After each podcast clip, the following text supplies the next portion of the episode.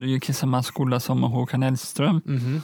Hur var han som elev och vem hade sämst betyg? Oj! Eh, I han, musik, vi säga. Ja, i musik. I musik. Han hade sämst betyg.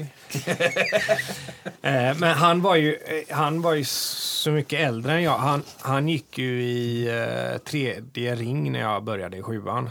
Så att jag, jag vet inte riktigt hur han var som elev. Han var ju liksom farbror när jag, när jag var, började där. Mm. Ja. It was so easy last night. Should have been strong, yet I lied. Nobody gets me like you. I know everything changes, all the cities and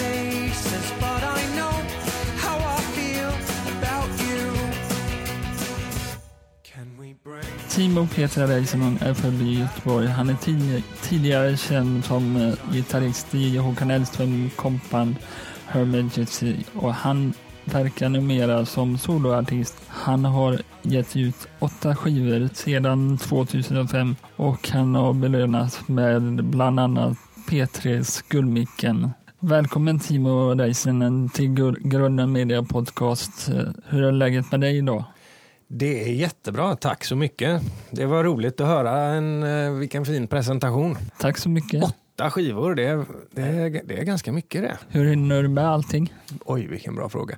Ja, det, jag tycker så här att vill man göra saker Mm. så är man skyldig sig själv att göra det. Mm. För att vi har så kort tid. Det är, det är ju, vi, vi har inte så lång tid på oss att göra grejer. Så om man slösar bort det på att göra grejer som man inte vill göra så gör man sig själv en otjänst. Jag försöker tänka att jag inte ska hålla på och jaga framgång och, och liksom eh, jaga så här duktighet. Och så försöker jag tänka lite mer att jag ska ehm, ta hand om det jag har och göra det jag vill. Mm. Och då, då får jag ganska mycket tid. Ja, så du ska hinna med allting och producera och ge ut. Ja, ja, ja det, det är alltså att, att jobba med, eh, med kreativa saker tycker jag om man, om man lyckas hålla sig ifrån och bli helt stressad och så och, och liksom den här grejen också att man ska bli så stor som möjligt eller ha så mycket status som möjligt och så. Om man, om man kan strunta i det där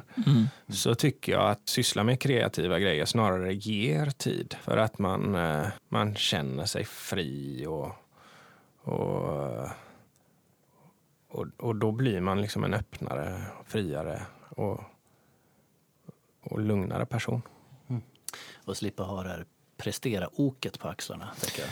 Ja, den, den där är ju väldigt, det är väldigt dumt för att det leder ju, det leder ju liksom ingen, ingen vart. Eh, utom till att man blir framgångsrik. Fast framgång är en väldigt konstig grej för att man vänjer sig. Alltså människan är ju otroligt bra på att vänja sig vid saker. Både bra och dåliga saker. Och om man, om man håller på att jaga framgång så blir man mer och mer framgångsrik och så håller man bara på att vänja sig vid det hela tiden. Ja. Då blir det slentrian. Ja. Slentrianen får man akta sig för. Ja. Men då jag tänker det är viktigt för dig att söka nya, alltså leta nya vägar, söka nya uttryck för att inte hamna i den här slentrianen. Ja, alltså jag, vad jag har, jag har ju som ledord egentligen att och, och gör, och följa min lust. Och eh, sen så har jag också liksom alltid haft att jag ska försöka imponera på min fru och det är ganska bra grej. Mycket klokt. Ja, det är bra. Då blir det roligt också. Då har man, om man ska försöka anpassa sig till tidens trender eller någonting sånt. Och, och det, det, är så, det är så oerhört eh, vagt, vaga mål. Mm. Men, men eh, att om man har en person som man alltid försöker imponera på så blir det mycket lättare och ganska mycket roligare också tycker jag. Ja, går det då? Ja, men det, det har gått. Jag, jag, jag hoppas att, det, att hon inte tröttnar. Nej. Gått bra hittills. Ja, ja men det går bra. Jag, jag, det, det är ju det att man, man, får ju hitta på nya saker. Man kan ju inte, man kan ju inte fastna i, i slentrianen, precis som du, Du säger. sa, du sa ju att du hade både hund och eh, all, allting. Hur får du din vardag att gå ihop? Eh, hunden skaffade vi för att vi tvingar, alltså för att man är tvungen att gå ut Ja. med en hund. Mm. Och, och det är samma sak där. Jag tycker att ehm, Jag tycker nästan, okej det, det ger inte mer tid. Att, att behöva gå ut med en hund varje dag ger ju inte mer tid. Men, Nej. men det ger energi och det ger eh, ett välmående som, som leder till att man gör, gör bättre och mer grejer och Mm. livet blir lite godare. Ja. Du har ju finska rötter, Mm. så jag har förstått. Berätta om det. Ja, alltså det, min pappa är finne Eh, och han, han, eh, han föddes i Finland av två finska föräldrar och, fly- och flyttade till São Paulo i Brasilien när han var sju, tror jag. Och min mamma är född i Indien och växte upp i Libanon. Mitt kulturella blod, om man kan säga så, Mm. är väldigt eh, vitt och brett. Och sen så de, deras syskon, alltså både mammas och pappas syskon flyttade överallt. Så att vi har, vi har liksom släkt i massa, massa länder. Vad förde du till Göteborg? Eh, det var faktiskt Grännaskolan som eh, bägges föräldrar tyckte att det skulle vara en bra idé om de gick på. Och så farsan gick där först och så när, när han hade gått ut så började morsan i, i första ring. Och så kom farsan på någon sån återträff, eller det var någon sån disco. Mm. Och så kom han som föredetting och var så här jättecool. Och, och så fick de syn på varandra och blev kära. Vilken tur det. Ja. Ja. Ja, ja men diskot för det. det var bra. Vilket är det värsta och bästa ord på finska? Oj. Eh, ja, men, alltså, svord, jag älskar att svära på finska. Det är så himla fint. Ja. Jag, det är så här, jumalauta. Är satan. Alltså det, det är Ja. ju... Det är Det, tyngd. det, Ja. ja. det är det. Vi, vi döpte eh, våran, våran eh, yngsta son, fick heta Arvo. Och eh, han, han, eh, hans storebror heter Vinton Hilding för att han, han är född på Hildings namnsdag. Mm. Och Arvo, vi tyckte det var, det, Hilding passade Vinton så himla bra. Så att vi tänkte att vi gör samma sak med Arvo. Och Arvo föddes på Åkes namnsdag. Så han fick heta Arvo Åke Räisänen. Men när han var ett halvår ungefär så märkte vi att det här är verkligen ingen Åke. För han, han är en riktig tuffing och det märkte, märktes väldigt tidigt att han var väldigt tuff. Så vi döpte om honom faktiskt. Och då tänkte vi att lika bra att och blanda in lite, lite humor och lite finsk, fin, Finland i detta. Så att jag försökte hitta på någonting som skulle låta som en finsk svordom. Så att han heter nu Arvo Sakari Pertti Vesäräisänen. Det är underbart att få ryta till. Ja, ja, nu kommer din äter här. använda han, hela hans namn ibland. Då vet han att det är allvar. Ja, just det. Är det inte svårt att byta från svenska till finska när man är... är så? Jag kan ingen finska. Vi pratade i, i, med mina föräldrar Mm. så pratade vi engelska faktiskt. Eh, för att min mamma pratade engelska med sina föräldrar och är, eh, hon är, hon är engelsklärare och, och, och så här. Och pappa gick på en engelsk skola i São Paulo. Så att de bestämde sig för att eh, eftersom de bodde i Sverige så skulle vi ändå få det svenska Mm. språket gratis. Så att de, de pratar engelska med oss. Och det är inte svårt att byta. Det är konstigt för jag tänker fortfarande på engelska. Men jag är mycket bättre på svenska. Det är en intressant här, aspekt om man skriver texter. Ja. Skill- skillnad att skriva sångtexter på svenska jämfört med engelska. Otroligt stor Mm. skillnad. Det, eh, och jag, alltså, eh, sju av de åtta skivorna är på engelska. Eh, och den senaste är då på svenska. Ehm, och det är ju egentligen det är ju roligare att skriva på, på svenska för Mm. att det är ehm, man behöver vara så himla mycket mer exakt. På, på, på engelska så kan man bara ta en stor roller och bara det, det, det är ju så, så enkelt språk engelska och Mm. man kan gömma sig bakom tuffa ja, ord och så. Det blir lite naknare med svenska. Ja, svenska, ja. där för att säga någonting så måste man, måste man vara väldigt mycket mer precis. Och sen så för att säga det snyggt så måste man ännu längre. Så att det, det, är mycket, det är mycket svårare och, och mycket roligare. För lyckas man så, är, så blir det ju mycket snyggare tycker jag. Har du gjort någon låt på finska? Jag har det faktiskt en gång Mm. i ett tv-program som jag var med eh, med en finsk rappare som heter Max Peasey. Okej. Så gjorde vi en, eh, det, var någon sån här finlandssvenskt program. Ja. Och då, då var själva uppdraget att skriva en låt på finska. Mm. Eh, vad heter låten? Den heter Jag försäkrar på svenska. Men jag kommer inte ihåg vad jag försäkrar är på finska. Jag höll på att säga arvo. Där. Ja. Eh, om du inte vore musiker, vad skulle du vara då? Från att jag var nio egentligen så, så har det inte funnits på kartan någonting annat. Eh, jag bara bestämde mig att det här är vad jag ska syssla med. Mm. Men med det sagt så tror jag att jag skulle kunna göra i princip vad som helst och tycka att det var ganska roligt. Mm. Eh, så parkförvaltare, samtalsterapeut, eh, skorstensbyggare. Förena i firman, skorstensbygg och artist. Ja, det är bra. När började du med musiken eh, från första början? Eh, ja, men jag började ju spela, min, min mamma köpte eh, blockflöjter åt alla barnen på mitt dagis när jag var tre.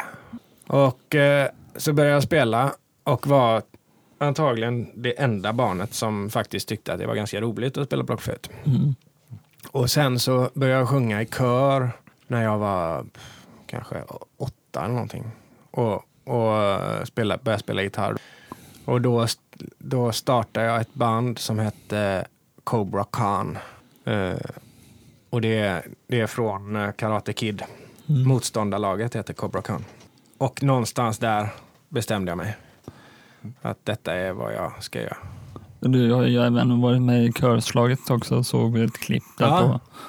Eh, hur var det att välja ut deltagarna där? Ja, det var, det var jätteroligt. Jag var... Jag hade liksom inte gjort så himla mycket sån, sån tv då. Mm. Så att jag var fortfarande ganska oförstörd och, och, och naiv. Mm. Och eh, trodde att det var jag som valde. Men eh, så att det var jätteroligt. Ja, Men, men det är så, man har ju märkt eh, i efterhand när man har gjort flera sådana program att det är så oerhört styrt av ett gäng som sitter och... Alltså det, de har ju nästan bestämt var i programmet folk ska börja gråta och så här. Det, det är väldigt regisserat. I vilket program man åker ut. Ja. Alltså. Ja, lite så. Men Ja. du kom en bit där va? Nej, ja, nej, det gjorde jag inte. Jag, jag, jag fick... eh, Det var ju först... Det, var ju, eh, det första programmet var det ingen som åkte ut och där fick jag flest röster. Och det sa hon i programmet. Så att det var ingen som röstade på mig i andra programmet. Då åkte jag ut. Producenterna ville "Mm, Det måste bli bra tv. Det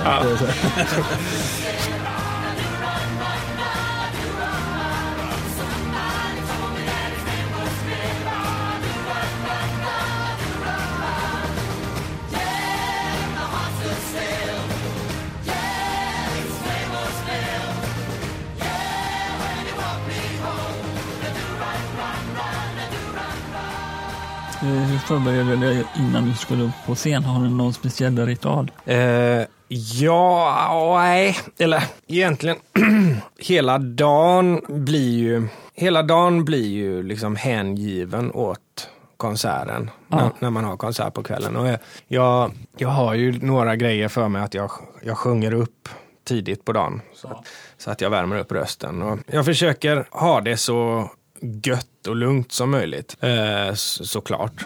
Eh, men däremot så har jag märkt att om jag har det riktigt stressigt och, liksom, och, och så flippar och blir på jättedåligt humör och börjar bråka med folk och så, då blir det bättre konserter. Så det är ett eh, dilemma. Ja, så det, när du är backstage så värmer du upp då på något sätt? eller? Genom att bråka med folk. För boxboll. Nej, men Adrenalin. eh, jag, backstage, precis innan jag, jag går på scen så brukar jag göra, så brukar jag göra några push-ups eh, eller armhävningar.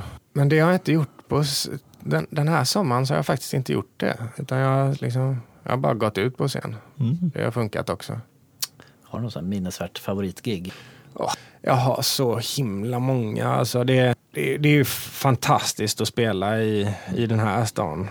Alltså att stå på Götaplatsen i Göteborg och, och sjunga för, för liksom eh, ett fullsatt ett fullsatt Götaplatsen är ju helt, eh, det, det, det går ju inte att slå. Gjorde du med symfonikerna där nu? Jag har gjort, med, jag har gjort två, två konserter med symfonikerna på Götaplatsen och en med eh, Göteborg Wind Orchestra. Så den senaste jag gjorde var med Göteborg Wind Orchestra och då var det Ted. Ska du komma tillbaka till- eh, Göteborgs symfoniker? Eller? Det tror jag säkert. Det, ja, alltså just symfonikerna och, och jag har ju, har ju haft ganska många samarbeten, olika sorters grejer som vi har hittat på. Och de är ju, de är ju jättemysiga att jobba med. Så det vill jag gärna göra igen. Mm. Men inget planerat.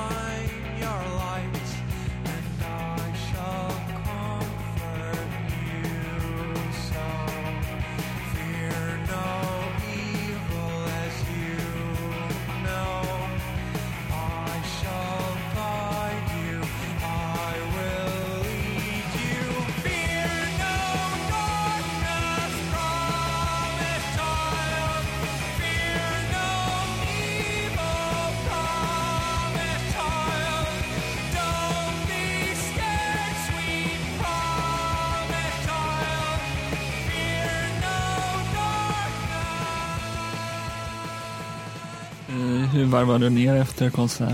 Ehm, Jag gillar att äta efter konserter, vilket också kan vara ganska svårt för att ofta så spelar jag väldigt sent. Så att ofta ringer, nu för tiden så ringer jag runt till lite restauranger och frågar om de kan tänka sig att ha öppet lite längre så att Mm. jag kan komma dit och äta.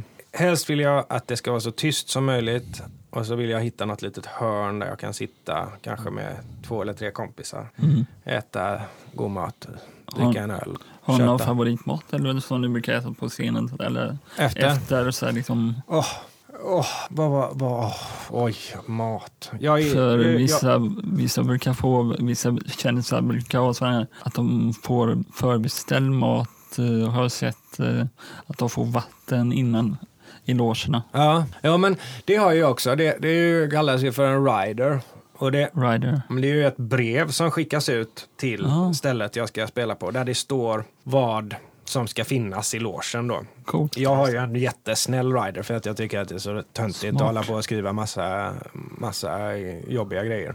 Boxboll och mat. Ja. Eller en, en dum person bara. ja, nej men, eh, men, men innan mat, alltså innan gig. Det här, och jag, alltså jag har hållit på med det här i, i, i nästan 20 år och jag gör fortfarande samma, samma misstag. Nämligen att jag äter alldeles för mycket innan gig. Så att jag, är, jag, är, jag är nästan alltid mätt när jag går på scen. Det är det dummaste. För det tar ungefär fyra låtar innan man kommer igång. Men efter gig så vill man ju bara ha grädde och pastgött. Ja. Vill du berätta om låten om kampen och härligheten? Ja, hela den skivan, Troatstöld, är Ja. inspelad i, eh, i eh, London. I en eh, fin gammal studio där. Och den, den låten, eh, jag skrev, jag, jag kom på den, eh, den refrängen i badkaret. Eh, och när jag kommer på texter i badkaret så får jag panik för att jag blir så rädd att jag ska glömma, glömma av dem. Så jag, jag ropade på min fru, så fick hon komma in och så fick hon skriva upp det. Och, och då var det hela den här grejen med, med de fyra smällarna. Så det var så här, kampen åt alla. Även om jag vet att de flesta är dumma i huvudet. Eh, så Ja. så det, den, där, och den gick jag, det, det här var ett år innan vi spelade in den.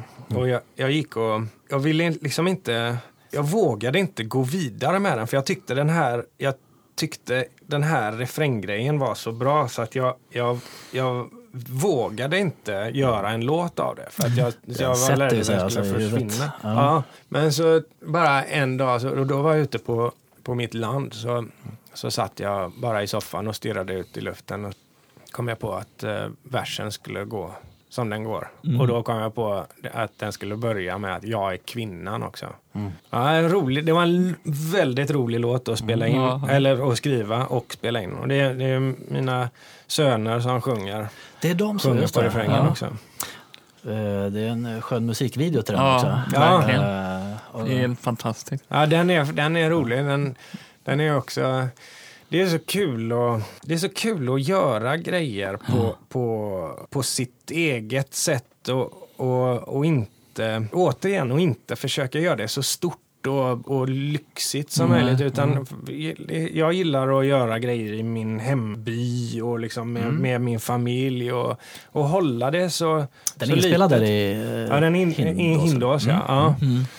Mm. Just det. För de som inte har sett den så ska jag berätta lite om det. det är ju, du spelar någon slags uh, gympalärare. Ja. Säga.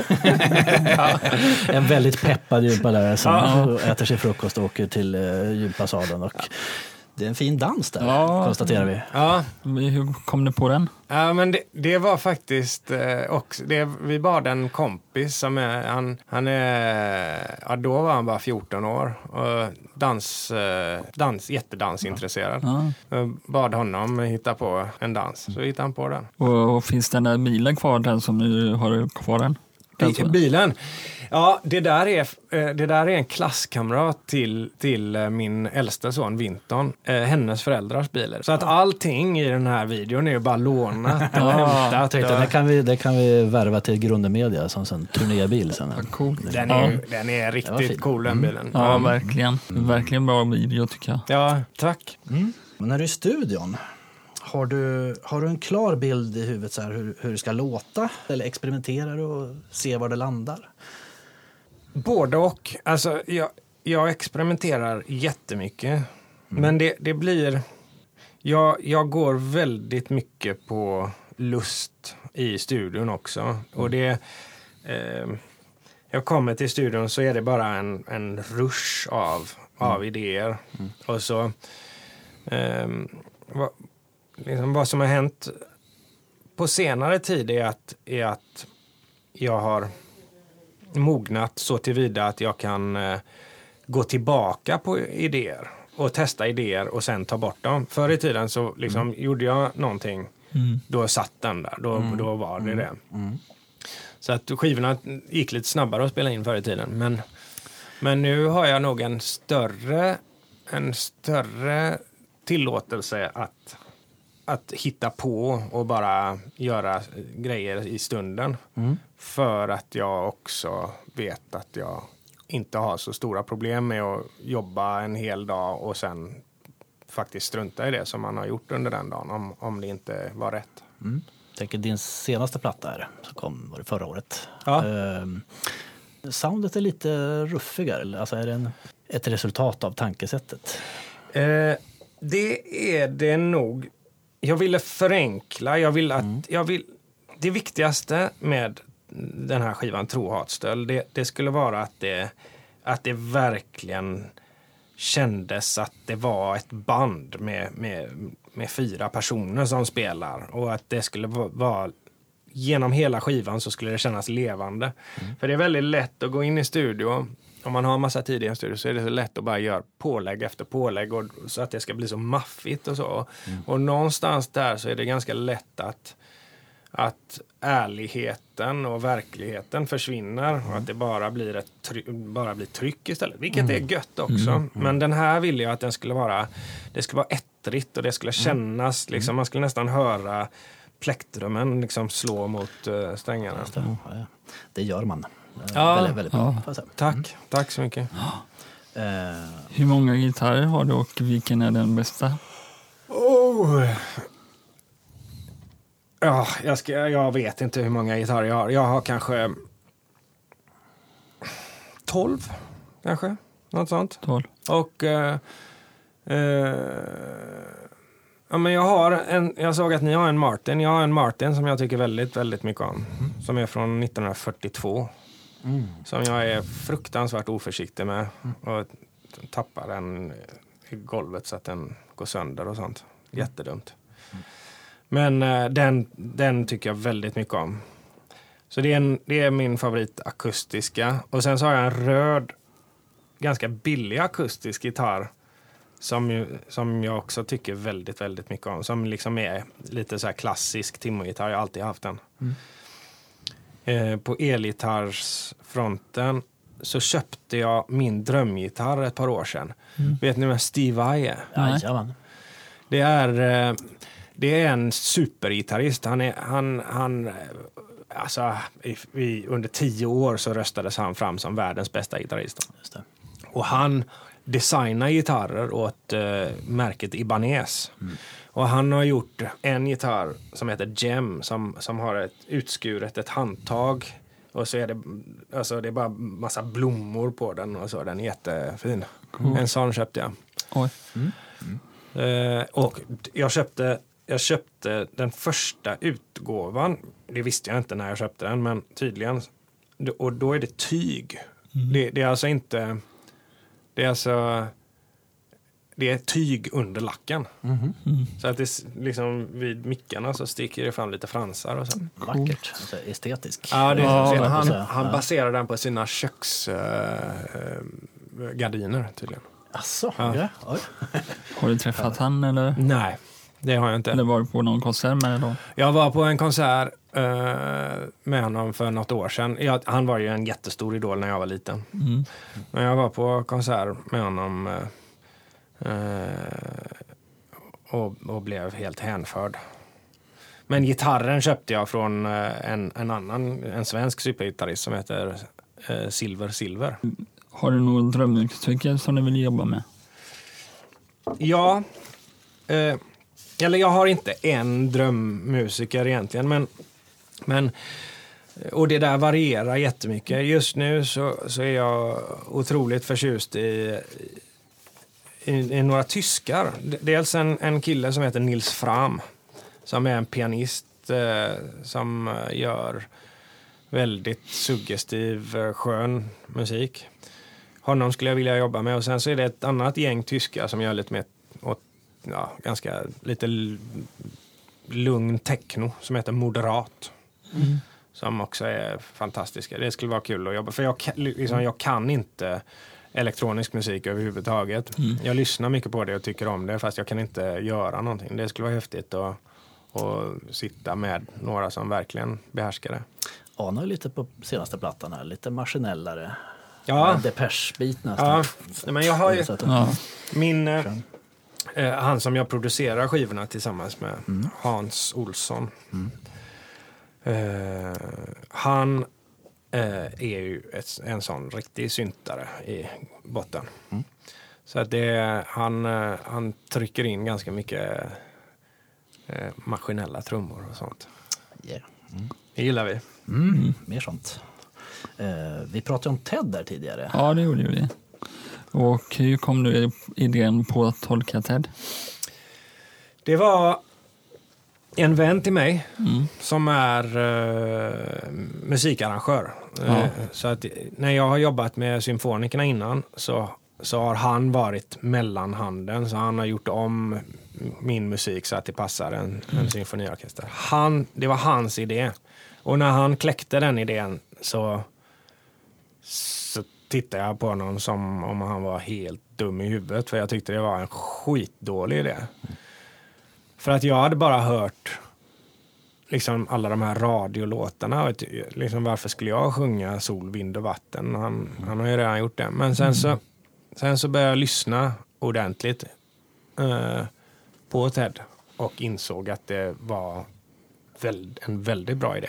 Vad var det som du föll för när du lyssnade Ja, men jag- musiken? Jag föll för att det är att känslorna i musiken är så ärliga och så extrema. Liksom. Det är jättebarnsligt och sen så är det jättesorgligt och så är det superglatt och så är det, det, så är det töntigt. Och det, det, det, det, allt, men allting är fullt ut. Det är liksom inte det finns inget att försöka vara cool eller någonting utan det är verkligen plus att när jag började sjunga det så kände jag att jag kunde stå för varenda ord. Jag lyssnade på den här TED-plattan igår. Alltså, pianointro till, till Universum Ja. Det är ju så här, bland det vackraste Ja, det som har skrivits i det här landet. Det är bisarrt bra. Ja. Har du sett filmen Ted? Ja, det har jag. Ja, för den kom efter. Du började göra det här tidigare, Ja. innan filmen. Och sen kom filmen. Sen så vet jag att också är det Peter Nordahl som har gjort en TED-platta och eh, lyft ut hans röst och Ja.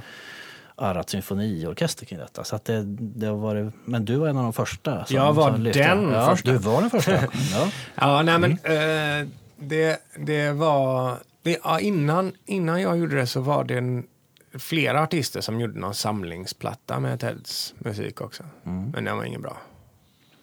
Men eh, nej, det, det, ja, vi gjorde ju det eh, året innan han skulle ha fyllt 60.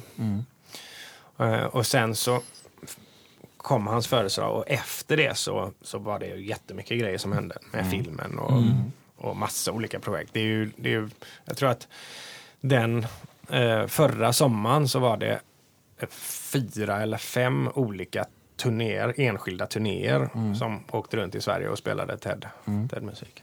Var Kenneth Gärdestad eh, inblandad i på något sätt? Han var inte inblandad, men han, eh, han kom på lite konserter. Och han skrev färdigt en, eh, en, en låt som bara hade funnits som demo innan. Som, som vi började, vi tog upp den låten. Den heter Nobody Loves You Now. Eh, Så vi tog upp den låten och så gjorde jag, skrev jag en andra text. Eller jag bara började sjunga en andra vers på, på scenen och så blev det till slut en text. Och eh, då fick jag ett mail från honom där han hade skrivit eh, en, en vers. Ja, Väldigt roligt. Ja. lite samarbete. Vilken är din favoritlåt med Ted?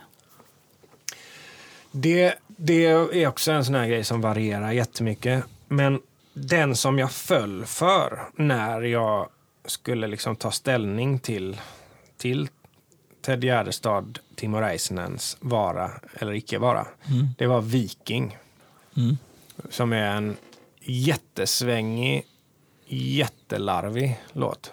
Som handlar om hur det skulle kunna tänkas vara att vara viking. Och det är faktiskt, du vet, det, det var ju Ted som skrev musiken och Kenneth som skrev texterna. Mm. Men just den låten är ju skriven av en tredje bror. Kjell.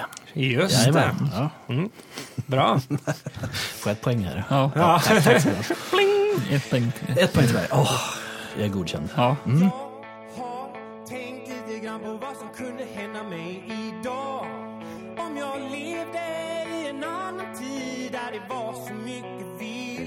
vildare tag Skulle jag vara. En dräng eller biskop eller smet i slängdens åtta skor. Som jag hade smitt med en hammare som jag fått av gamle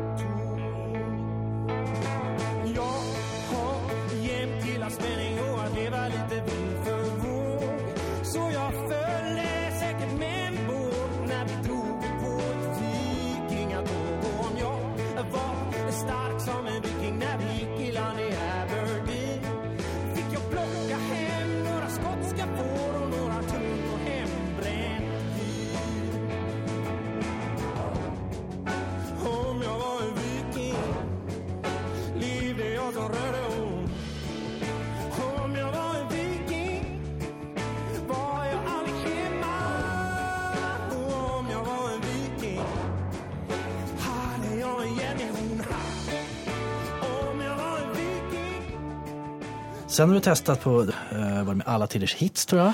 Med Ja, det var egentligen där som jag, som jag hittade ett skönt sätt att sjunga på svenska. För innan det så hade jag faktiskt skrivit en hel platta på svenska.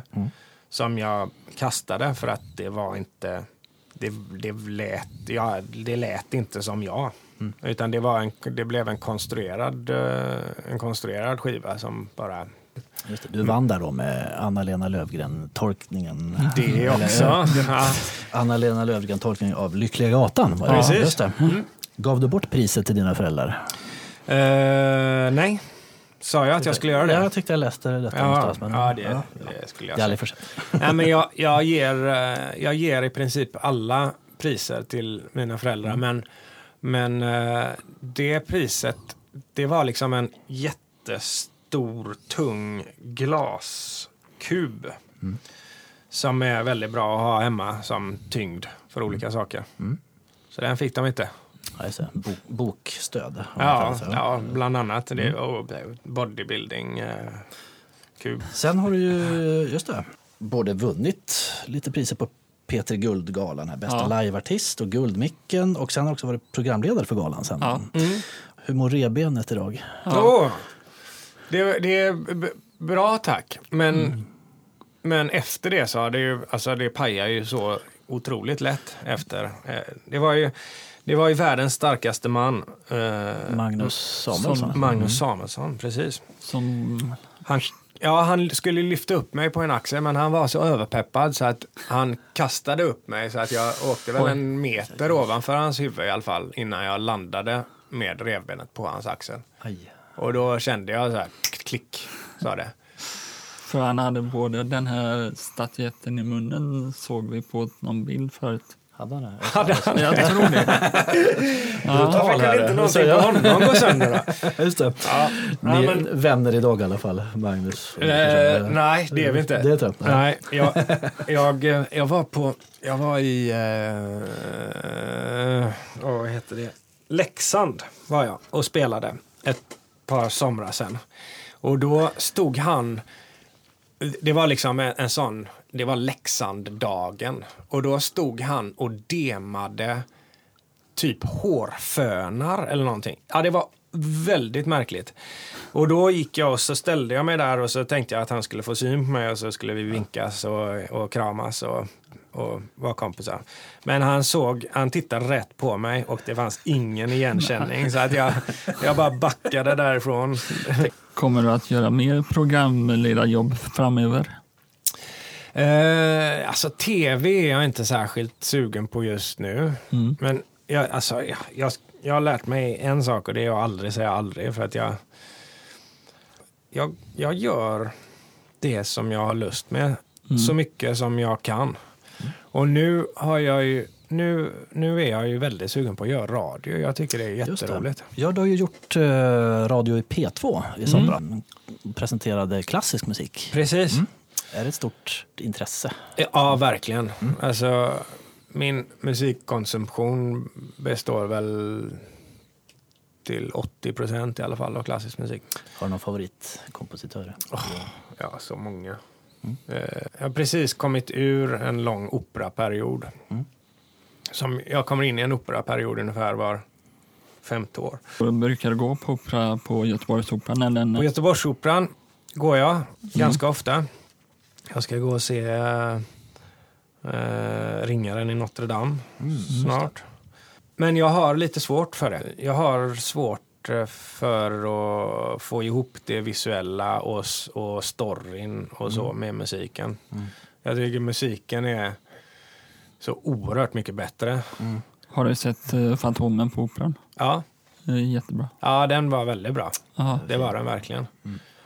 Och ibland så lyckas de ju. Det, det, det, när, det, när de gör någonting, antingen om de gör någonting superpompöst eller om de, om de tvärtom gör någonting väldigt sådär subtilt. Så nu kan ska det föra in operan i nutid och så blir det Ja. alldeles för modernt. Ja, men ibland, ja precis. Och, och det, det är liksom, man vet aldrig innan. Alltså, sånt kan ju bli hur coolt som helst också när de tar det till nutid. Men, men eh, det är ju svårt. Alltså, ofta så är det så himla dåliga, dåliga berättelser från början. Alltså musiken är, är helt fantastisk men storiesarna är Följer ju en mall. Sådär. ja, inte alltid jättebra.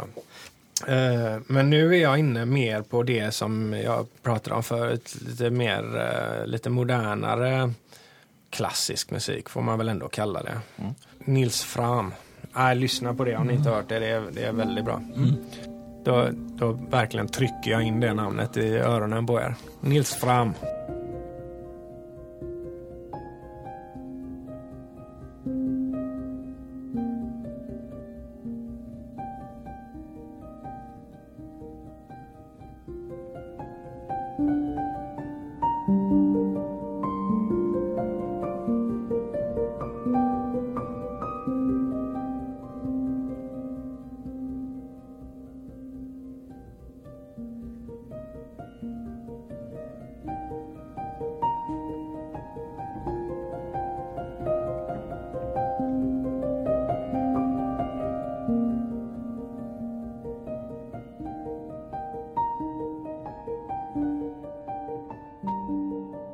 Politiskt engagerad? Politiskt engagerad är jag inte.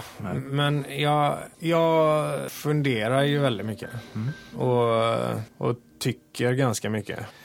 Eh, och eh, det skulle vara roligt att engagera mig politiskt också någon gång. Men, eh, men inte, inte nu. Men, men det, det, alltså senaste plattan är ju det, det är ju verkligen ett, ett uppsamlingshit för, för eh, det som jag har gått och funderat på de senaste fem åren. Eh, vad tycker du om valet? Jag tyckte att det var det svåraste, svåraste året hittills. Jag tyckte det var jättesvårt. Jag liksom, det, det, det kändes... Alltså det, det, det är ju aldrig att man, att man tycker att någonting är helt, helt rätt. Men i år så var det liksom för lite för många fel. Det var, nej, jag tyckte det var jättesvårt. Jag röstade till slut, men, eh, men det var in, nej, det var svårt. Och det är fortfarande, vi vet fortfarande inte hur det ska gå. Antagligen när ni lyssnar på det här, kära lyssnare, Ja. så vet vi. Men just nu så, löftet var att vi skulle få reda på det igår. Och det är fortfarande inte klart. Det räknas fortfarande röster Ja. tror jag, i nuläget. Tid av kompromisser framför Ja. oss, jag. Och det kan bli ganska intressant. Alltså, det, det, vi får se hur barnsliga de är. Om, de, om de tar sitt förnuft, till fånga och, och, och pratar lite med varandra så, så kan det bli ganska intressant. Vad händer i höst? Det är någon slags konserthöst Ja, på gång här. Ja, jag, jag, eh, jag, jag har ju turnerat hela sommaren och eh, spelat i typ varje, varenda svensk stad utom Göteborg och Stockholm. Så att eh, den, den 30 november och den 1 december spelar jag i Stockholm. En konsert som heter En Timmo-konsert. En timme konsert. Ja. alltså. Där jag ska försöka få med så mycket som möjligt från, från min karriär hittills. Och spela på så många olika sätt som möjligt. Jag har lite, lite klassiska musiker med mig. Och så, så det, blir lite, det blir allt från bara Okej. mig och gitarr till stort band och, och massa musiker. Vilken är den bästa och sämsta staden du har turnerat i? Åh! det, det, det roliga med det är att genom åren så, har det, så varierar städer jättemycket. Alltså, Örebro har gått från att vara en av de sämsta städerna att spela i till att vara jättebra. Mm. Så Örebro är bra. Uppsala är väldigt, väldigt trevligt. Norrköping var supertrevligt förut men eh, har varit ganska intetsägande på senare tid. Jag har börjat öppna ögonen lite när jag är i, när jag är i städer. Innan så var det så himla fokuserat på att man skulle spela och så, och så såg man ingenting. Så att det är egentligen först de senare åren som jag har börjat ja, gå ut och, och gå lite i stan. Bara en sån sak. Det är, det är himla häftigt Ja. att jag, jag kan se så mycket städer. Mm. Vi har ju så lite fem snabba också. Ja. Kör. Fem snabba. Eh, Bengans eller kaffe? Bengans eller kaffe? Ja. Ka- En kaffe på ett café eller gå och botanisera i skivor på Ja. Bengans. Okej, nu, nu snackar vi. Nu snackar det som är så bra med Bengans är att man faktiskt kan dricka kaffe där också. Och väldigt, jag är inte särskilt mycket för att botanisera bland skivor. Alltså, jag har aldrig varit det. När, folk har, när liksom mina kompisar har dragit med mig till skivaffärer, de står där i timmar och, och tittar igenom. Så ja, jag har så tråkigt. Vad bra. Det är, ju- jag tänkte fråga vinyl eller Spotify. Spotify. Ja. Mm. Men jag gillar vinyl. Jag tycker det är, alltså som samlarobjekt så är det jättefint. Varmt och analogt. Ja, Elgitarr eller Beethoven? Beethoven. Jag gillar ju Beethoven väldigt mycket. Jag gillar elgitarrer väldigt mycket också. Men Beethoven är, alltså Beethoven är en av anledningarna till att jag blev musikfrälst när jag var väldigt liten. Beethoven och Pavarotti var mina två första idoler. Turné eller studio? Turné, eh, men framförallt psyken. Att, att få göra båda. Alltså, när man har turnerat ett tag så eh, blir man väldigt eh, eh, trasig, vill jag inte riktigt säga. Men, men eh, man, man eh, blir trött, trött i eh, kropp och själ och sinne. Ehm, och då är det väldigt skönt att kunna gå in i studio. Men jag, jag, det, jag tycker inte att det finns någonting bättre egentligen än att spela live för en publik. Mm. Jag älskar att underhålla publik. Yoga eller fotboll? Yoga. Sysslar du med yoga? Ja. Ja. Yoga är the shit. Vi gör yoga här på jobbet. Alltså, Ja. visst är det grymt? Får bjuda in en gästlärare här nu då. Ja. Så lite solhälsningar. Ja, men jag, jag tycker väldigt mycket om yoga. Jag, gör, jag går inte... ehm, Jag är inte så mycket för så här gruppträning och så, utan det, det, det är en... eh, För mig så är yoga någonting som är, är privat hemma i mitt rum och Mm. en stund för, för mig själv. Det är, ju- det är världens bästa game changer. Om man är på dåligt humör och så går man in och gör en kvarts yoga så kan man vända på hela dagen. Beatles eller Stones? Beatles. Vilken platta? Ehm, Abbey Road. Ja, den Ja. är väldigt, väldigt bra. Jag, jag älskar eh, dess eh, liksom, produktionsgeni. Mm. Paul McCartney släpper platta idag. Den är fin, det lilla jag hört än så länge. Mm. Eh, Ja, men han, jag- han, det är Jag alltså lyssnade lite i bilen på väg hit. Eh, en av hans starkaste. Han ändå. Han är ju... Han släpper ju inte så mycket svagt, den snubben. Han är, alltså, fantastiska Ja. plattor på senare tid, tycker jag. Ja, visst. Så Han är ändå är han 70, Cool. 75, 74. Ja, något sånt, ja. Mm. Ja, grymt. I tisdags så intervjuade vi Ebbot Lundberg Mm. Och han ställde fråga till dig och den var får fråga honom om han har fortfarande kontakt med Bert Karlsson eller bra, bra kontakt med honom. Jag har det själv där nu. Jag har spelat innebandy ihop. Så att, eh, och han, han drog fräckisar, hela, han körde mig hem sen.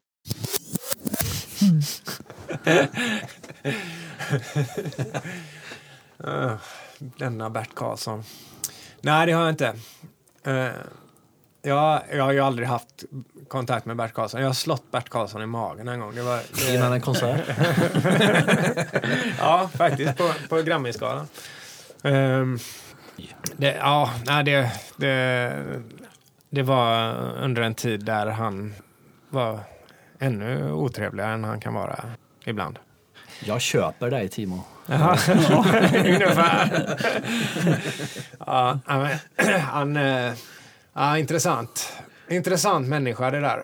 Jag, jag, jag, kan inte, jag kan liksom inte greppa honom. får du vara med och intervjua Bert Karlsson. Vi, Ja, ja, ja visst. Jag, jag bara öppnar dörren med en sån, med en sån eh, fredag den 13 mask på mig. Din sista stund är kommen. och så nästa vecka ska vi intervjua Dregen. Mm. Och om du får ställa en fråga till han. Eh, till Dregen. Eh, nej, men, nej, men jag kan eh, fråga om han, eh, om han fortfarande håller på med fiske.